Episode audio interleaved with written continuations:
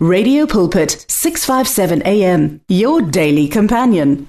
Kulohlelo lapho sithi mphatlalatsane ekseni kungolosihlanu ngilithathe leli thuba mlalele ngikubingelele egameni elihle igama lenkosi uJesu Kristu waseNazaretha sisenyangeni yesibili mlaleli kulonyaka ake siphinde simbonge uNkulunkulu simphakamise simdumise nanoma isimo sivuma nanoma singavumi siya kumdumisa ake siphinde sithathele lithuba sibonge nakubahle enhlapho ukusibusayo ngaleli thuba. Bahle uNkulunkulu akubusise. Mlaleli nakuwo lonyaka kuyo lenyanga yesibili ngifisa ke sibonisane ngezwi likaNkuluNkulu. Sizazi ukuthi thina singobani mlaleli ngoba izwi lenkosi lithi uJesu usinikile amandla usinikile igunya. Ngakho ke akumelanga sesabe akumelanga sithuthumele mlaleli ngenxa ukuthi ke sinikeziwe igunya sinikiwe amandla. Uma uNkulunkulu akunikezile amandla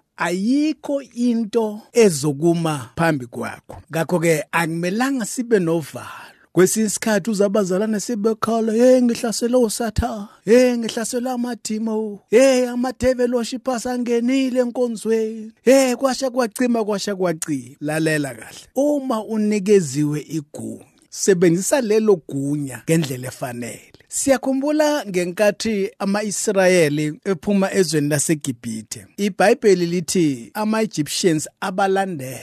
Izwi lenkosi lithi ke uma sebabuka emuva babona nayimpi yamaGibhithe ibalandele emva. Izwi lenkosi lithi ke bakhala kuMose. uNkulunkulu wambuza uMose ukuthi ukhalela. Izwi lenkosi lithi ke wayesembuza ukuthi ke uphetheni. ngamagama abantu abakhalayo abazi ukuthi baphetheni namhla kuseni mlaleli ngifuna ukwazi ukuthi ke unegunya onikezwe lo. Akubelanga uthuthumele abathakathi hey ejardini lami hey bazalwane kembe imithi sengaze ngagijima ngaya kuphi nakuphi hey bazalwane kugijima izinto emzini wamlaleli lawo mazwi akumelanga aphume kumntwana kaNkuluNkulu owaziyo ukuthi uphetheni. uNkulunkulu wathi kuMose uphethe. uMose wathi ngiphethe lento engiyiphethe induku wayisebenzisa wayisebenzisa wandluka ngakho ke even nasemabandleni abazalane baze bashawute bakhuleke hey devil worship us we bind you hey kwasha kwacima. Mlaleli kumele wazi ukuthi uphethe nanoma angasondela kuwe ahlale sihlalweni sakho nanoma angagibela emotweni yakho umlaleli themba lento oyiphethe. Unikeziwe amandla unikeziwe igugu.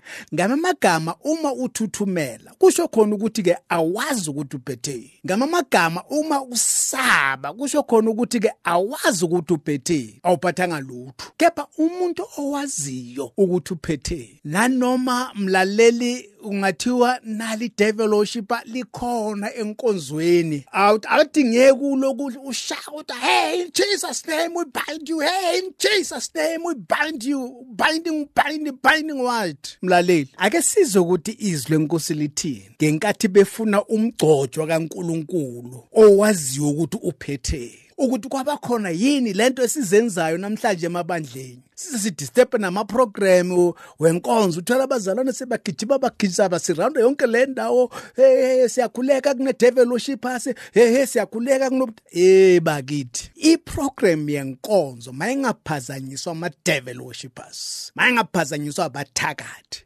abazalwane kumele bazi ukuthi baphethe ake sizumgcojo kaNkuluNkulu. Owaziyo ukuthi uphetheni mlaleli.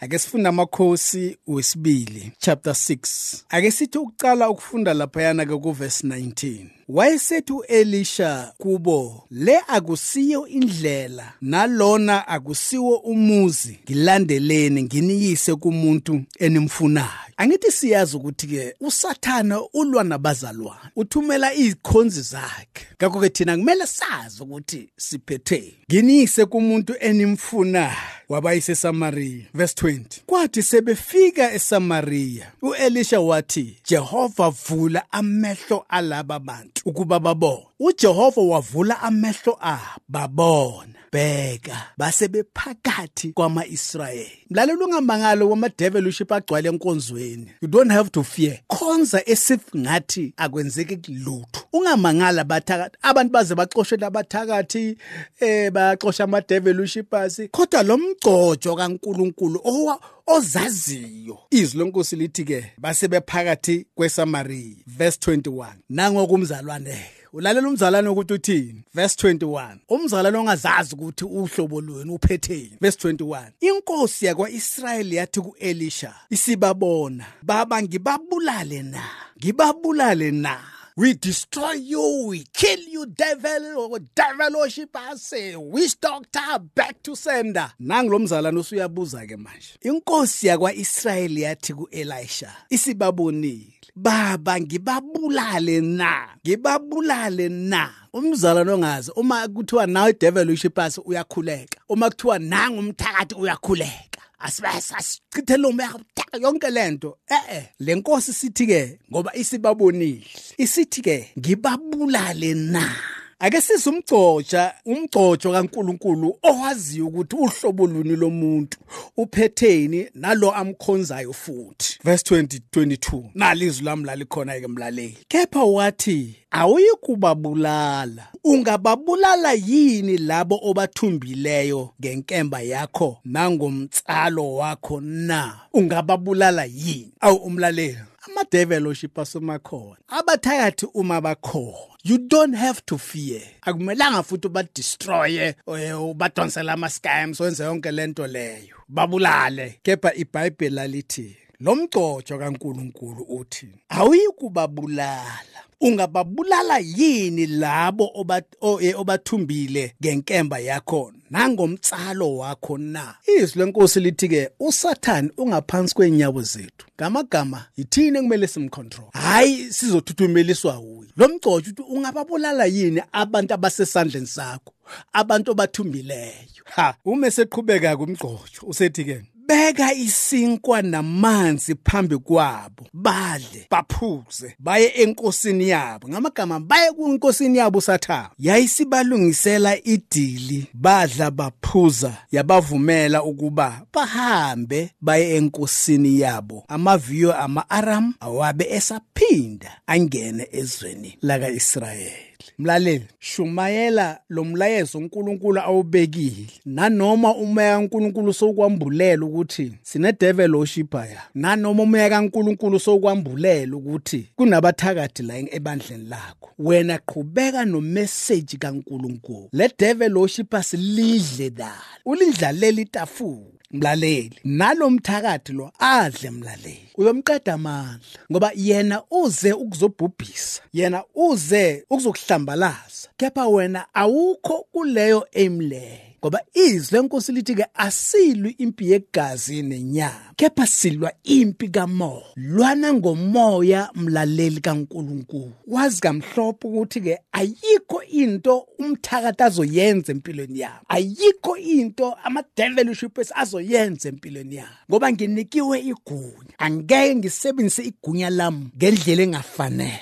Qhubeka ubeke izwi lenkosi. Um-accommodate naye hlale naye phansi. Uma kunguthi ninokudla nayo yonke lento hlala naye phansi nidle naye.